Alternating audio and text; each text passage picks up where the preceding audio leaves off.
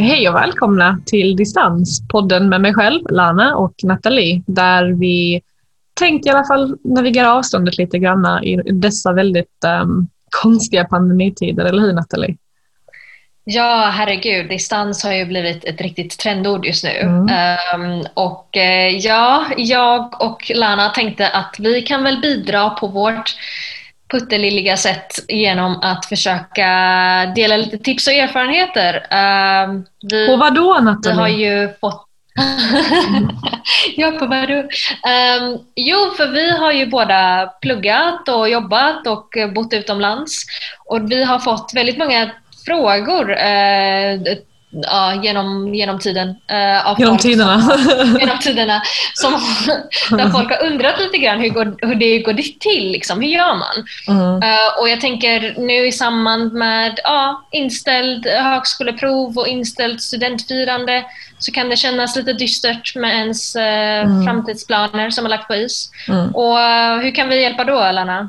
Genom att obviously prata om våra erfarenheter, ge tips och råd och faktiskt ta fram all den här informationen som faktiskt är väldigt otillgänglig på internet ehm, och bara liksom kasta in det i en, eh, i en podd. precis, för jag känner det finns ju information online men det är sällan mm. det är från människor som faktiskt har gjort det själva. Precis, um, och oftast är det liksom så här, visst det är väldigt så strukturerat och ja, det här ska du göra, A och B. Um, den här hemsidan använder man. Men det finns, jag, vet inte, jag tycker det finns mycket som är typ otydligt, vad man ska tänka efter och ja, mycket sånt där vet, som du bara inte riktigt hittar eh, online. Um, utan du kan bara höra liksom, sådana erfarenheter när du pratar med olika personer.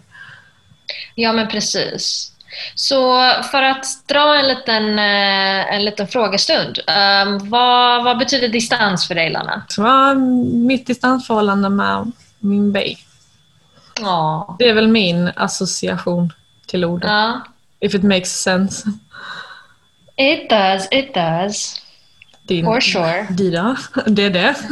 Dera. Uh, nej men jag känner också att uh, distans har liksom präglat mitt liv uh, och varit, varit en röd tråd uh, ända sedan jag föddes i Iran men växte upp i Göteborg och sen har liksom bott utomlands och rest och, uh, sedan jag blev uh, ja, myndig helt enkelt. Mm. Uh, och, och det blir en, liksom, en, helt enkelt ett ord som, som alltid finns närvarande. Um, så, så, så ja, jag tror att det stämmer in på dig också lite grann. Det, det är så för mig också. Uh, det är ju, ja, Mm.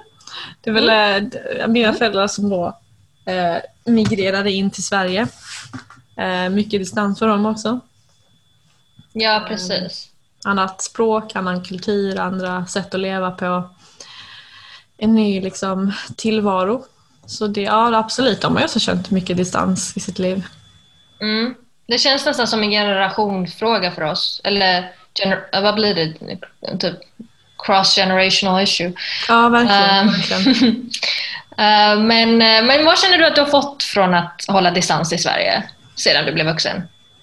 Mm, en större uppskattning för Sverige, inte för att jag inte hade det innan, men eh, att ha en bättre relation till min familj och mina vänner här. Att man, man tar ju vara på den tiden man är, man är i Sverige. Liksom. Mm. Du då? Ja, nej, men jag håller helt med om att jag har liksom förbättrat mina familjerelationer uh, här hemma. Jag känner att uh, jag har också fått en uppskattning för Sverige. Um, och, uh, men jag känner också att jag har liksom lärt mig så mycket mer om andra kulturer och, mm, mm. Och, och, och, har fått en helt ny level av uppskattning för dem också. Ja. Um, och, och att liksom också jag tycker ibland så har, har vi också lite av ett tänk att allt vi gör i Sverige är så himla bra och att vi gör det bäst. Och sen så kommer man till ett annat land och man bara, ah, fast det, ja, vissa grejer funkar inte jättebra i Sverige. Nej. Och det är jättegött att liksom vara utomlands där man inte ens behöver tänka på exempelvis hur ska jag hitta en förstahands hyreslägenhet? För det är Eller hur? Att, att, det är så lätt liksom. Och att man ja. har så många så olika, jag vet inte, typ coffee shops. Kaffekulturen är väl mycket mer utvecklad i vissa länder än andra. Och typ mm. bara sådana, ja men så här, ja.